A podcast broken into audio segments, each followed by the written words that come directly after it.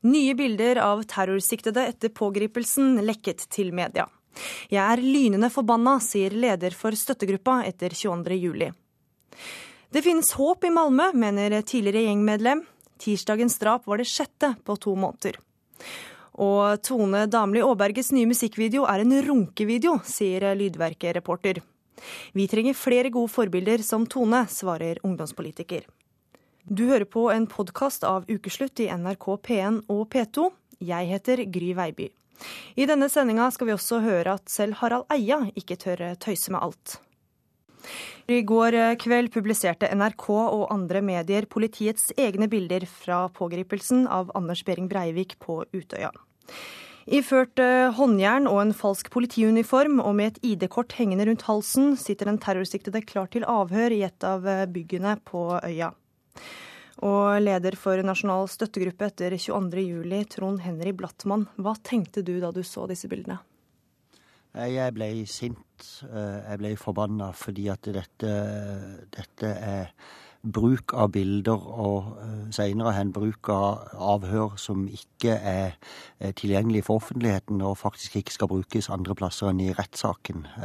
Bildene har en enorm effekt på, på oss som har mista noe, på de pårørende og ikke minst de overlevende som ble utsatt for denne gjerningsmannens vanvittige handlinger på Utøya. Og han er altså, Bildene er tatt rett etter han ble arrestert i de samme klærne som han brukte mens han var der ute og skjøt ungdommen vår. Mm. Programdirektør her i NRK, Per Arne Kalbakk. Hvorfor har NRK både på nett og i beste sendetid i Dagsrevyen valgt å publisere disse bildene? Det er fordi uh, nyhetsjournalistikk handler til syvende og sist om å dokumentere hendelser. Uh, bildene av Behring Breivik fra Utøya dokumenterer altså pågripelsen av norgeshistoriens uh, verste massedrapsmann. Og selv om jeg er helt enig i at det gjør vondt å se de bildene, vel vitende om hva han har gjort i timene forut for at de ble tatt, så er det ikke dermed sagt at det er feil å publisere dem. Vi mener at det bidrar til den brede dokumentasjonen som vi også trenger i denne saken. Mm. Blattmann, gjør ikke media bare jobben sin da, når de velger å publisere disse bildene? Ja, Min holdning til dette er at dette er bilder som er altså unntatt offentlighet. Dette er lekkasjer som kommer fra enten politiet eller bistandsadvokater. Det er altså ikke tenkt brukt i media i det hele tatt, men tenkt offentliggjort i en rettssak. Mm. Det diskuterer aldri Kalbakk, for det forholder man seg ikke til i, i, den journalistiske verden. Det gjør alle vi andre.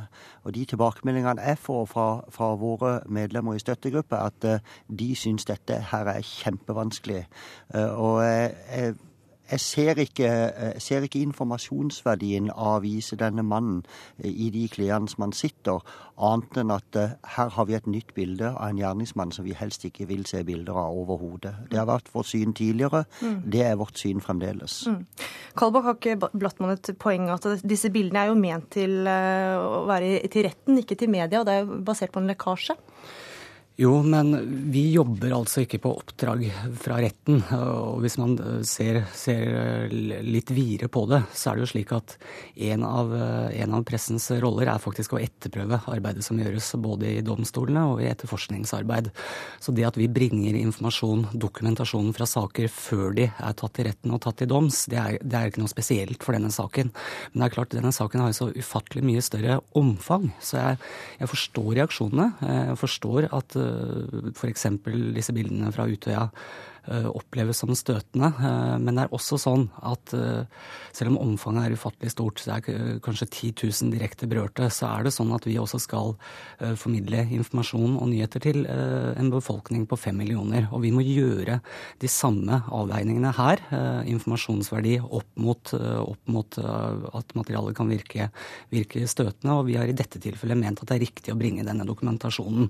Så er det også slik at, at vi ikke publiserte dette før vi var eh, gjort kjent med at politiet hadde varslet eh, gjennom bistandsadvokatene at dette materialet ville bli publisert i mediene denne mm. uka. Kan, kan, du si noe mer om den konkrete samfunnsverdien for disse, de nye opplysningene og bildene, Kalberg?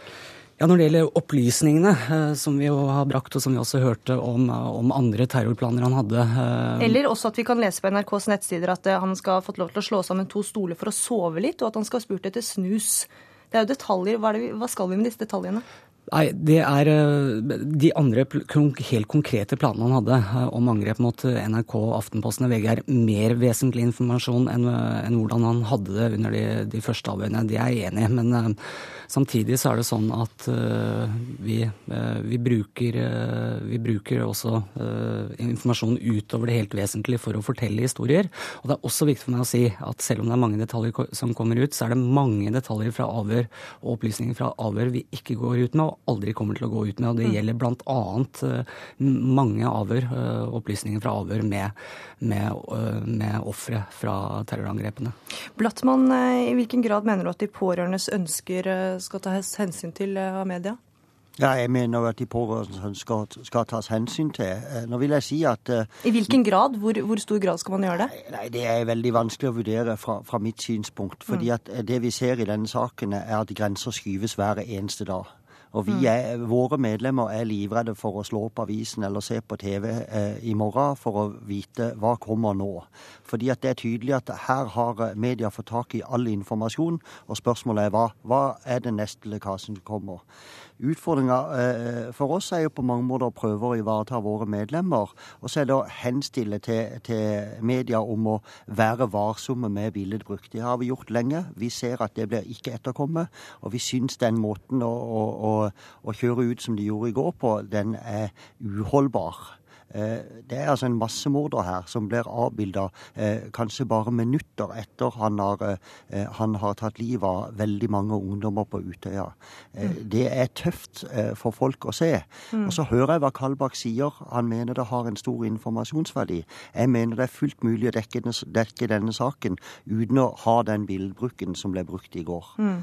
Blattmann, bare helt til slutt her. På mandagens mm. fengslingsmøte så vil jo pressen kunne ta bilder av Behring Breivik. Mm. Er det ikke bare småting dette her i forhold til det som kommer til å komme nå framover?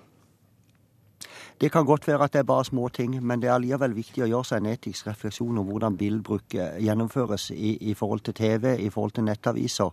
Og sånn som den dagen var i går, mm. så var det som å vri kniven i såret. Mm. Sånn oppleves det. Og jeg syns ikke noe om det. Og dette med å ta bilder i rettssalen, ja det er nok et eksempel på at her skyves grensene hver eneste dag. Mm. Vi som jobber i støttegruppa, vi kjemper mot vindmøller. Eh, når Kalbakk sier at ja, han ringte og advarte folk før bildene kom i går, da kunne han like godt sagt at i dag får dere en dårlig kveld. Skru av TV, skru av eh, PC-en, for her får dere mye stygge bilder. Mm. Siste kommentar til deg, Kalbakk. Ja, jeg har bare lyst til å si at jeg er helt enig med Blattmann i at vi skal og må gjøre disse etiske vurderingene. Mm. Og, og synspunktene fra støttegruppa og andre er selvfølgelig noe vi har med i vurderingen. Så jeg har også lyst til å si at f.eks. så har vi i NRK sagt at uh, å publisere et intervju med Behring Breivik, og det mener vi er over den grensa uh, for, for, hvor støtende materialet er i forhold til informasjonsverdien. Mm. Så det hender også at vi gjør vurderinger uh, som jeg antar støttegruppa er enig i. Det håper jeg inderlig, Kalbakk, men vi ser at demningen har har brister her. Eh, mm. Denne rettssaken starta for oss for tre måneder siden. Han pågår hver eneste dag, og helvete begynner 16.4. Mm. Eh, og så kan dere være med og skyve på og trykke enda mer på, eller da kan prøve å dempe det lite grann. Det siste hadde vi satt veldig stor pris på. Da fikk du siste ord, eh, Blattmann. Takk for at dere var med i Ukeslutt, Trond Henry Blattmann og Per Arne Kalbakk. Frivillige som redda flere av ungdommene ved Utøya, skal nå hedres. reporter Ellen Omland har møtt noen av dem som ble nødt til å ta umulige valg. Jeg syns det er godt å være tilbake. Tilbake til ferieparadiset. Det er vinter på Utvika camping. Snøen på bakken dekker sporene etter sommeren som var. Kona mi ville ikke opp hit, hun ville ta campingvogna ut og flytte til en annen plass. Men vi fant ut at vi skal vi skal være med å ta, ta campingen i bruk igjen. Altså ta, ta, plassen tilbake, vi òg. Så det er viktig for oss. Otto Løvik reddet sammen med Erik Martinsen Øvegård rundt 40 ungdommer 22.07. I båt kjørte de rundt og dro ungdommer opp av vannet. Otto er tilbake for andre gang. Det har vært vanskelig før. Erik har brukt stedet som terapi. Jeg tror jeg har vært ute med båt der nesten hver dag eh, den første måneden etterpå. Eh, det har jeg brukt som rekreasjon. I regnet den ettermiddagen, skuddsalvene som knatret, redde ungdommer, de handlet bare. Det er et minne som har brent seg fast. De to i båt, ungdommer på øya som ville bort, og et valg de skal ta i en umulig situasjon. Vi står 40-50 eh, meter utafor. Der står det fem til sju unger og, og, vinker. Vil selvfølgelig om bord i båten. Det sprang jo ungdom overalt på den orden. Vi ser ikke gjerningsmannen, vi hører jo at, eh, at han er ikke langt unna.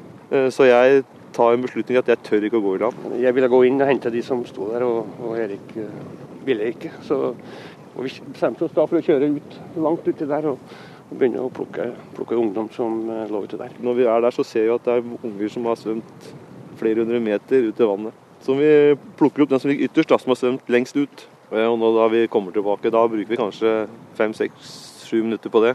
Og da vi kom ut på tur nummer to, så var vi jo skutt, alle. Så Ja, det er det verste, tror jeg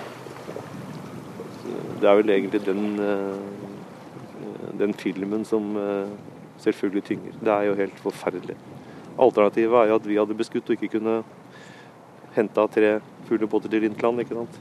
De har snakket med flere av ungdommene i ettertid. Et møte med en ung jente og hennes foreldre var godt. Det var en periode altså jeg grudde meg enormt til å møte ungdom igjen, som eh, vi hadde redda. Jeg jeg hadde, jeg hadde vondt. Jeg hadde Jeg vet ikke, jeg hadde ikke lyst. Jeg, jeg tenkte bare jeg kunne bare grine og grine og grine, og grine, men, men jeg fikk ganske god hjelp da jeg, det var innen psykiatrien, og, og fikk òg bearbeida det. Så vi, vi møtte ei jente fra Oslo sammen med foreldrene hennes, og, og vi spiste en middag sammen. og og det, det syns jeg var godt. Det var veldig deilig å få møte henne igjen. Jeg klarer liksom å, å ta det inn over meg, da, på en måte at uh, vi har redda, redda en del uh... Det preger også de som ikke mistet noen, men som bare var i nærheten. 2.6 skal rundt 100 frivillige hedres. Norges livredningsselskap og Hole kommune vil ta de med på Utøya, og så ha en seremoni på Sundvolden hotell etterpå. De som mest av alt viste omsorg den ettermiddagen, skal få et bevis for det de gjorde. Og så bli hedra, selvfølgelig er det Det er noen store greier. At du har, eh, får en diplom eller en medalje og, som du kan ta og kjenne på, eh, som er et bevis på at du har vært med og gjort en, eh, en stor forskjell. Ja, for meg så tror jeg det blir veldig bra.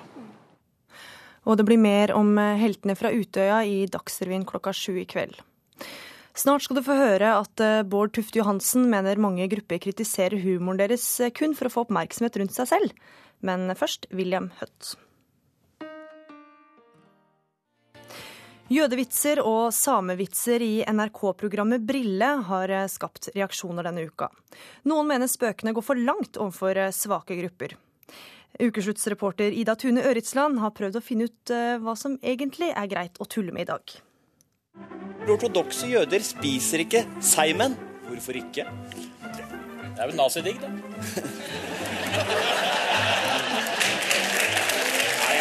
Hvorfor har jøder ofte dobbelt så mye bestikk som andre folk?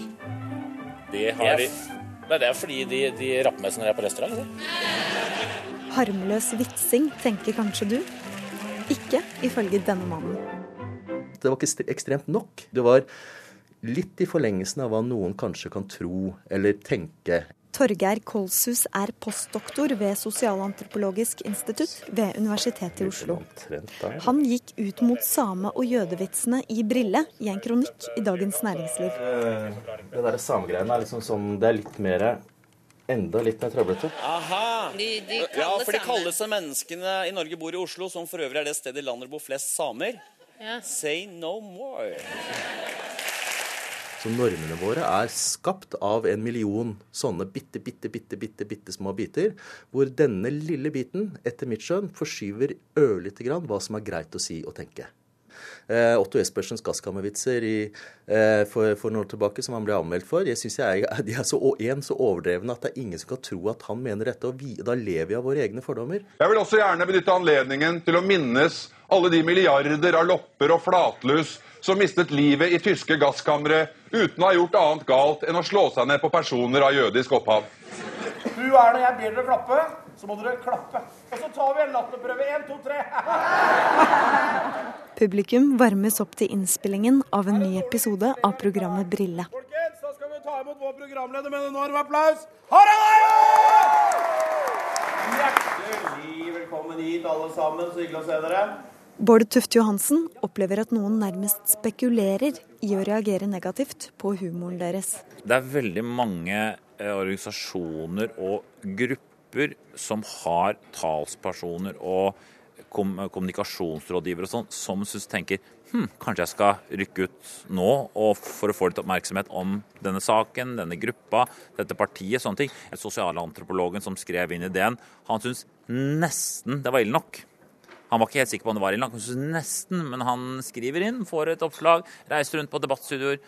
Gøy for han. Side 36. Eh, skal vi se, Atle Antonsen svarer på beskyldningen om jødefleip i NRK-programmet Brille. Er du ikke litt redd for å være han kjipe som eh, ødelegger det som andre syns er morsomt? Jo, og det er jo, det er jo der slik jeg er blitt oppfattet og, og tolket. NRK Er det kanskje blitt slik Christian Tonning Riise i Civita skrev i Dagbladet?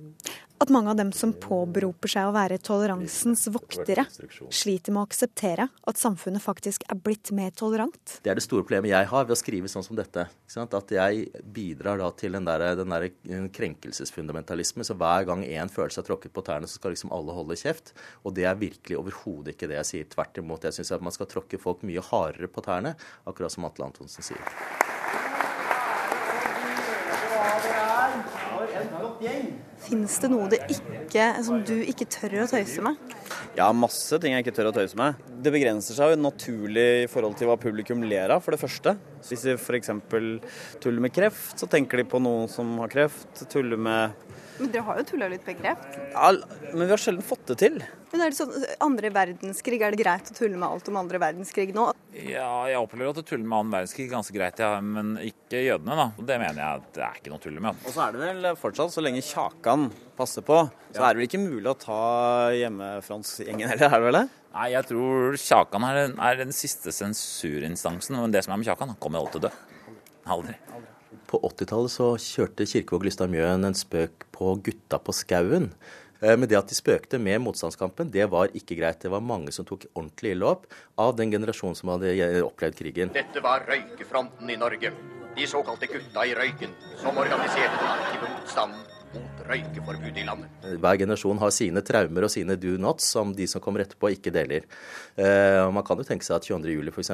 vil bli mulig å spøke med ikke bare Anders Behrum Breivik, som har fått eh, sitt til, i hvert fall til en viss grad, men også, også ofrene, og det går an å spøke med AUF etter hvert. Når vi holdt på i starten, så kunne vi være litt liksom grovere, for det var en innforståtthet med at vi mener jo ikke noe som er dårlig. Vi har med live på satellitt samerådmann Ruben Jacobsen på direkten. Nå skal vi høre her. Hallo, Ruben Jacobsen. Din søring, pise, homse, frasepsufte. Det er et eller annet nå som gjør at uh, du kan bli stilt spørsmålstegn ved, og du kan Det er mye mer følelser knytta til det. da. For vi kunne jo sitte i åpen post og være, komme rasistiske vitser, for vi visste at publikummet vårt er ikke rasistisk. Vi er ikke rasistiske. Så det var en sånn ryddig greie. da. Politiet vet ikke hvem som stender bak ei bombe mot en politistasjon i Malmö i natt. I løpet av to måneder er seks personer blitt skutt og drept på gaten. Bare timer før ringte en mann til politiet og fortalte om en skuddveksling et annet sted i byen. Drapet var det åttende siden mai i fjor. Det er nok ikke en og samme person som står bak alle drapene. Det er vel det eneste politiet er helt sikre på. Knivstikking, ran, brannbombe og skuddvekslinger har blitt hverdagskost i Sveriges tredje største by, Malmö.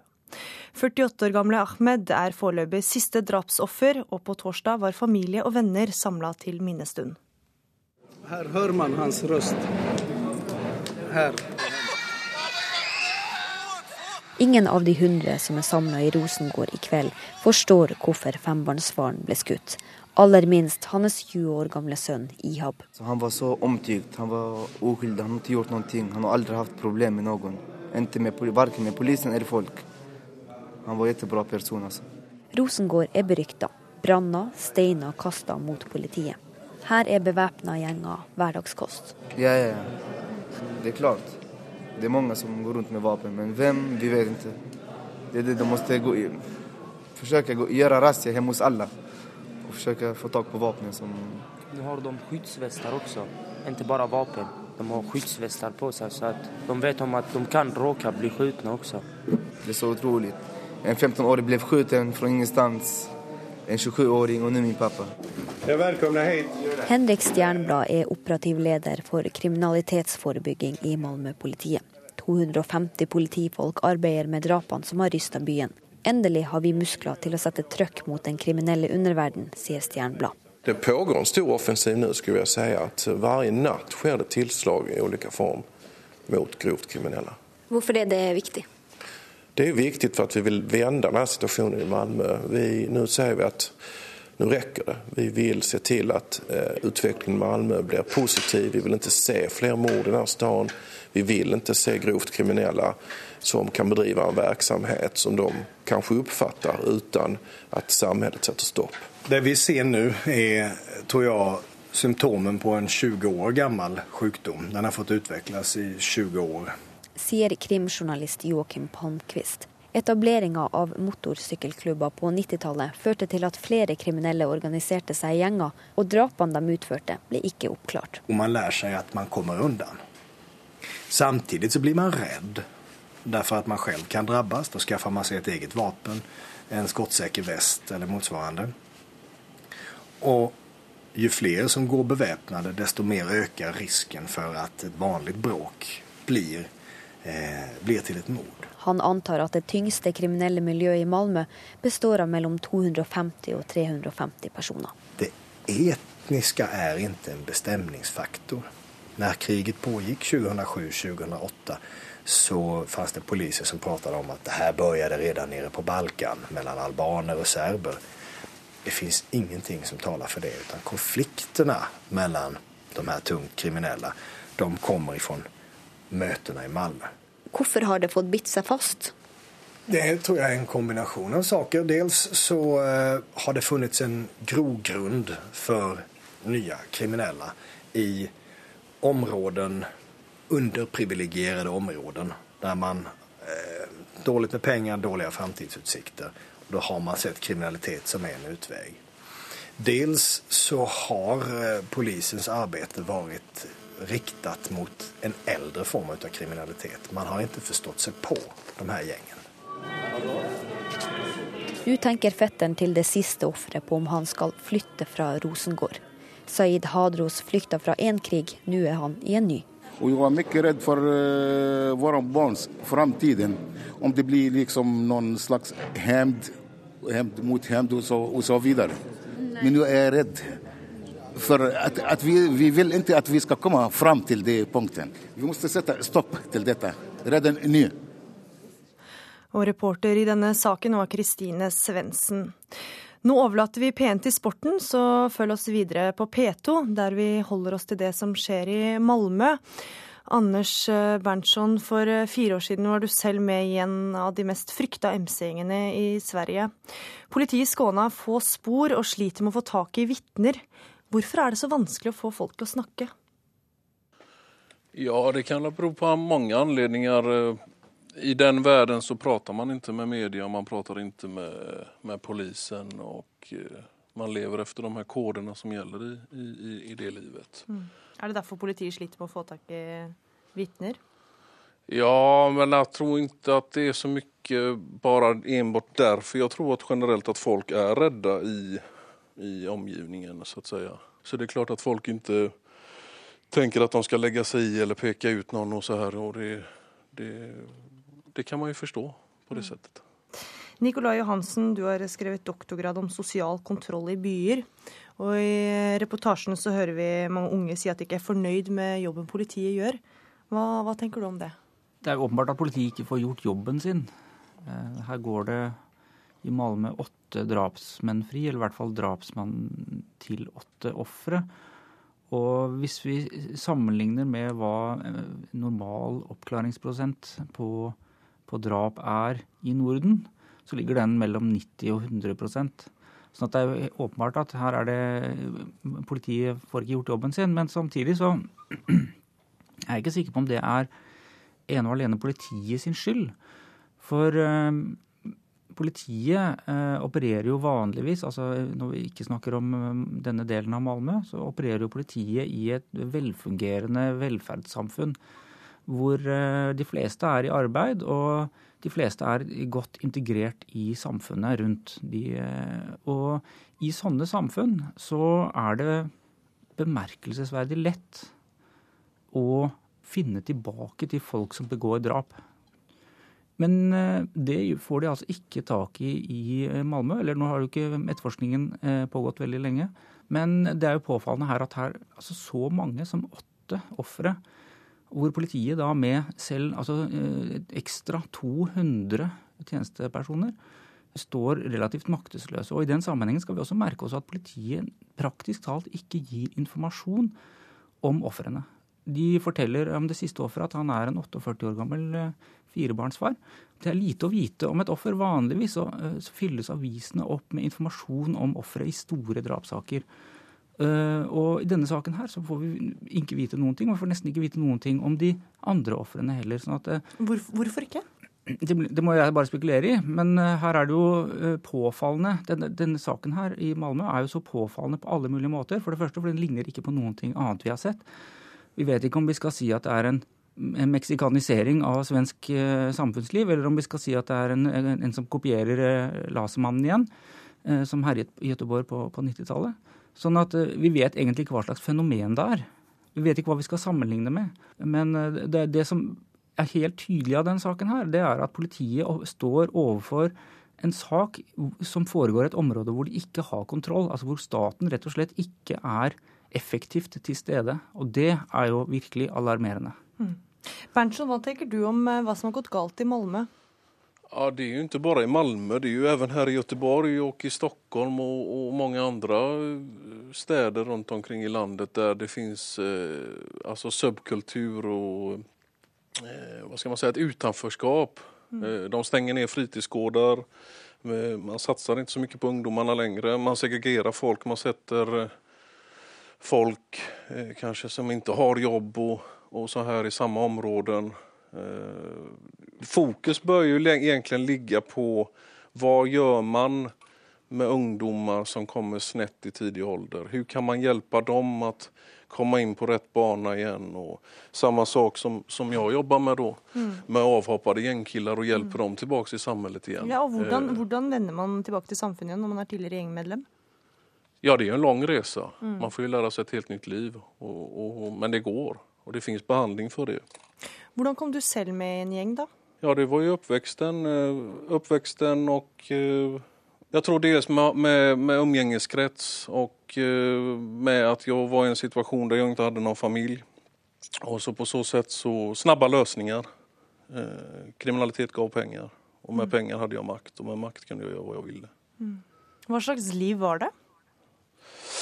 Ja, i början så är det ju, man, man, det är ju en, vad ska man säga, eh, man får ju snabba lösningar. I början är ju allting roligt och man, har, man hänger och man håller ihop och, och, och, så här och pengar trillar in. Men sen kommer ju också där, baksidan på myntet, det är ju fängelse, eh, splittring av sin familj och eh, ja, det är ett tufft liv. Det är ett mm. hårt liv. Mm. Nikolai Johansen, hva slags kontroll kan kriminelle ha på en by? Eh, den kontrollen de har, er først og fremst betinget av at staten ikke er effektivt til stede.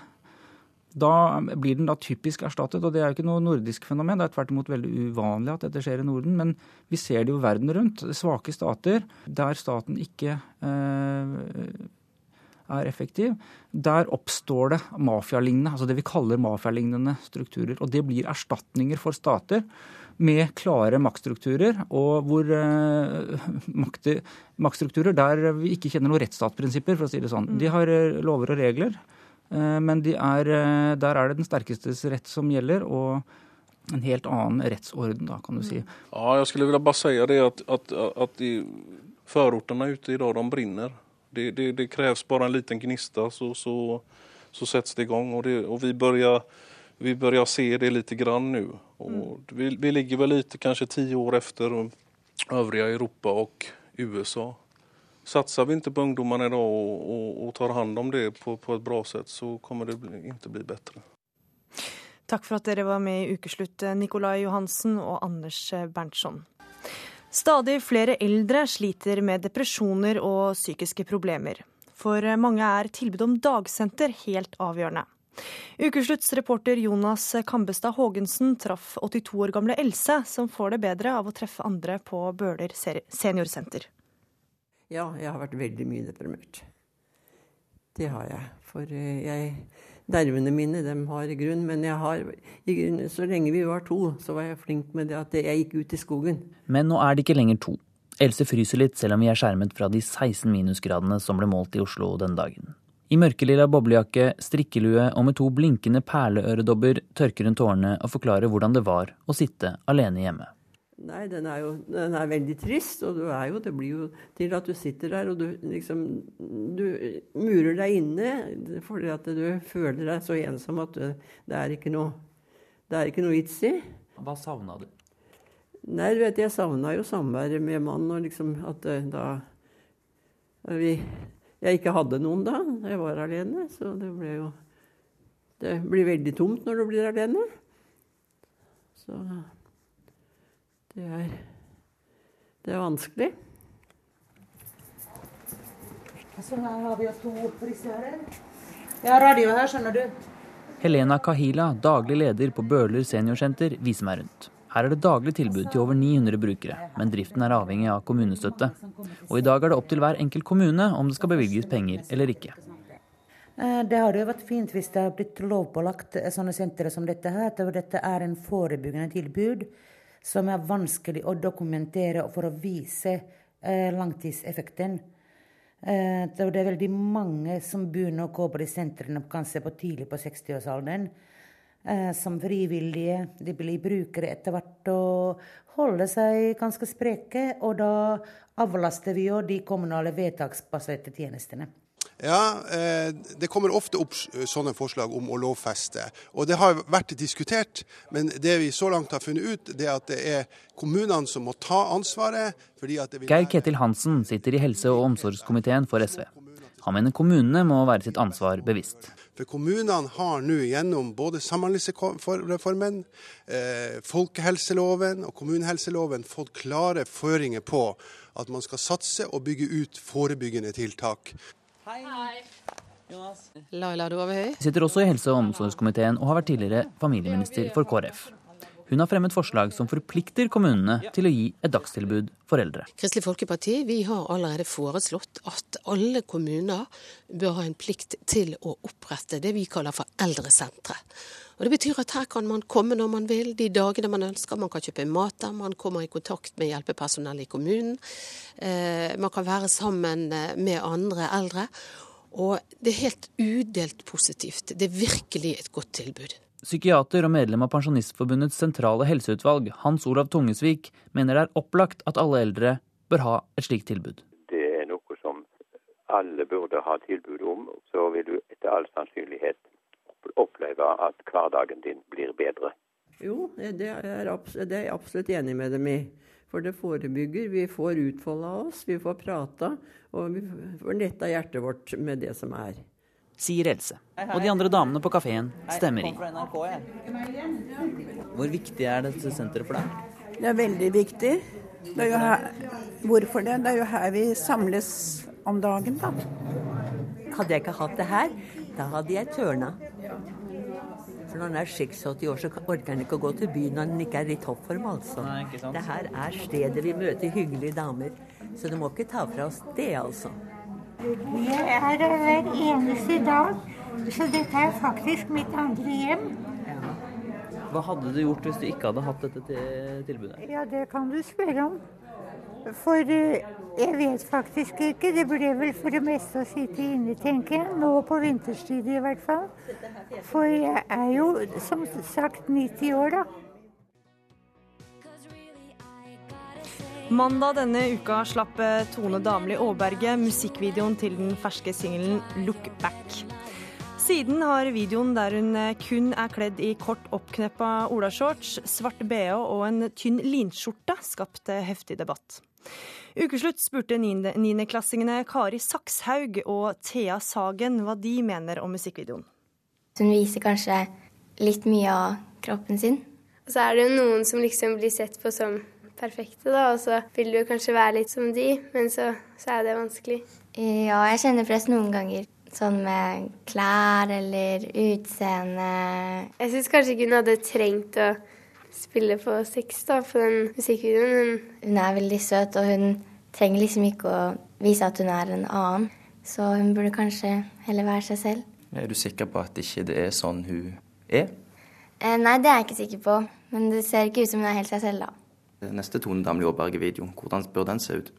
Ikke så mye bar hud, kanskje. Reporter eh, i Lydverket her på NRK, Trine Solli. Du kaller musikkvideoen en runkevideo. Hvorfor det? Eh, fordi den minner meg om eh, erotiske og pornografiske videoer jeg har sett tidligere, som er laget enseren for å gjøre menn kåte. Men, men, Tone Damli Aaberge skriver jo i bloggen sin at hva, hva om hun har lyst til å spille på sex? Jeg syns ikke det gjør saken så veldig mye bedre. Det er litt sånn som å eh, kaste søppel, da, for eksempel. Eh, bare fordi man har lyst til å kaste søppel, og bare fordi det ligger søppel på gata før.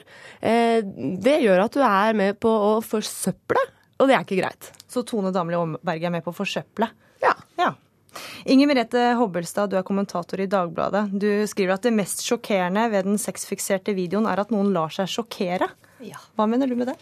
Eh, for det første mener jeg at dette er jo en del av popbransjen som eh, ikke akkurat er kjent for å på en måte appellere til vår intellektuelle side. Dette er jo eh, musikk som baserer seg på at den er i iørefallende, at den er sanselig, at den er umiddelbar. Og at den, den delen av populærkulturen i hvert fall i stor grad eller delvis blir seksualisert, tenker jeg er nærmest uunngåelig. Den er da også meget seksualisert fra før. Det Tone holdt på med denne videoen, er jo nesten salmesang i kragebluset sammenlignet med hva f.eks. Rihanna har holdt på med. Og at hun på en måte legger seg på en linje, handler slik kvinnelige popstjerne har handlet mange mange ganger før henne, syns jeg ikke er så spesielt oppsiktsvekkende. Men er det For, greit uh, Unnskyld, avbryt jeg hadde et poeng til, men jeg kan, uh, hvis jeg kan fullføre det. Det andre er Altså, jeg har vært litt sånn jeg har vært litt trist av å se hvor sinte folk er på henne. Mm. Uh, og jeg hadde liksom lyst til jeg skrev til å sette det litt sånn inn i en større sammenheng. For det er klart, altså det å være seksuelt attråverdig, å være vakker, ha utseende med seg, det er en av de fordelene noen kan ha med seg i livet. Da. Og det, det, er visse gunstige konsekvenser å få hvis man bruker det. Altså det er ekstra oppmerksomhet, eh, eh flere fans muligens osv. Og, så og jeg syns ikke vi skal bebreide unge kvinner for at de benytter seg av disse fordelene. Det man kan gjøre, er at man kan spørre om de gjør det på riktig måte, om det er klokt og om det vil ha om det kanskje også kan ha negative konsekvenser mm. på dem på sikt. Mm. Vær så god. For, for Tone spiller jo på sex som veldig mange andre popartister gjør. Ja, men det er på en måte ikke noe unnskyldning. Og jeg syns det er like ille når Rihanna eller Madonna eller Lady Gaga eller hvem det nå skulle være, gjør det. Eh, men det er jo med til å bidra til en sånn eh, seksualisering av populærkulturen eh, som jeg mener er ganske usunn. Mm. Eh, når vi ser statistikk som viser at jenter ned i tolvårsalderen gå på p-piller, så forteller det meg at fokuset på sex er altfor stort. Eh, når jeg leser om jenter tidlig i tenårene som blir deprimert når de ikke får påfyll av Resilan eller hva det heter, i overleppen, så forteller det meg at fokuset på kropp er for stort. Eh, og da kunne jeg som musikkelsker ønske meg at også popartister fokuserte mest på musikken og ikke på kroppen. Eh, jeg er selvfølgelig helt enig i at vi lever i et veldig seksualisert samfunn. Og jeg tenker jo med gru på de som oppdrar unge jenter i dag, altså får noen utfordringer de må ha med at de skal mm. skape en motvekt til all dette. Jeg ser selvfølgelig at det er fryktelig vanskelig. Jeg syns samtidig det er for drøyt å legge ansvaret for dette på de smale skuldrene til denne 23-årige jenta. Eh, fordi altså, dette er på en måte en konsekvens av altså Det har med kapitalisme å gjøre, det har med moralsk på en måte frislipp å gjøre. Vi har ikke noe sånt som korrigerer hvor mye man kan snakke om det slik man hadde før. Mm. Og da blir dette en litt sånn flodbølge som er veldig vanskelig å stagge, og i hvert fall for denne ene jenta som er i en bransje som hvor dette er et relativt vanlig språk. Ja, Trine Solund er jo bare en enkel jente fra Det er hun, og unge norske popartister skal ikke alene ta det ansvaret. Det er et felles ansvar eh, som vi må ta alle sammen. Men jeg mener jo at eh, jo mer kjent du er, jo større moralsk ansvar har du faktisk for å, for å være et eh, godt forbilde, og for å stoppe opp og spørre er det virkelig sånn vi vil ha det? Mm. Vil vi ha det sånn at det nærmest er påkrevd for popartister å kle av seg? For det er sånn det er blitt. Mm. Det syns jeg er trist. Vi skal ta inn leder for Senterungdommen, Sandra Borch. Du eh, skriver i bloggen din at vi trenger flere slike som Tone. Det må du forklare. Ja, jeg eh, syns Tone er tøff. Og jeg, jeg tror hun visste at det kom til å bli storm rundt denne videoen, og det gjør hun bare enda tøffere. Så må jeg jo få sagt at jeg syns videoen og Tone er veldig uskyldig. Det er overhodet ingenting pornografisk i filmen som, som, jeg kan se.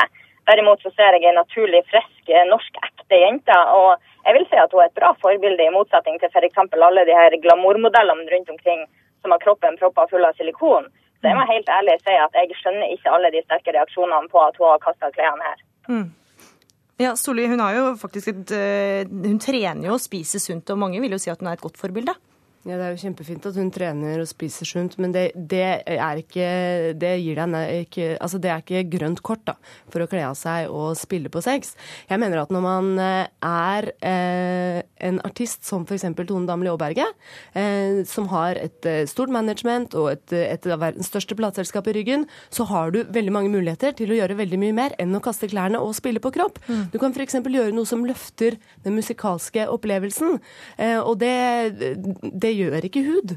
Eh, dette er jeg jo ikke uenig i. og eh, Det er der jeg tenker også at man kan spørre seg igjen hvor klokt dette er og ikke. da. Så Fra et kortsiktig perspektiv så er det, er det smart. Altså Hun har vært det vi har snakket om hele uka. ikke sant? Hun har fått massevis av mennesker til å se på denne videoen sin. Men når hun nå bryter det som for henne er en grense, fremstår som mer eh, seksuelt utfordrende enn tidligere, så kan du lure på denne, som i hvert fall i mine skarve ører høres ganske intetsigende ut, denne låta hennes, om hun ikke skulle hatt litt sterkere materiale i bunn for å holde på oppmerksomheten.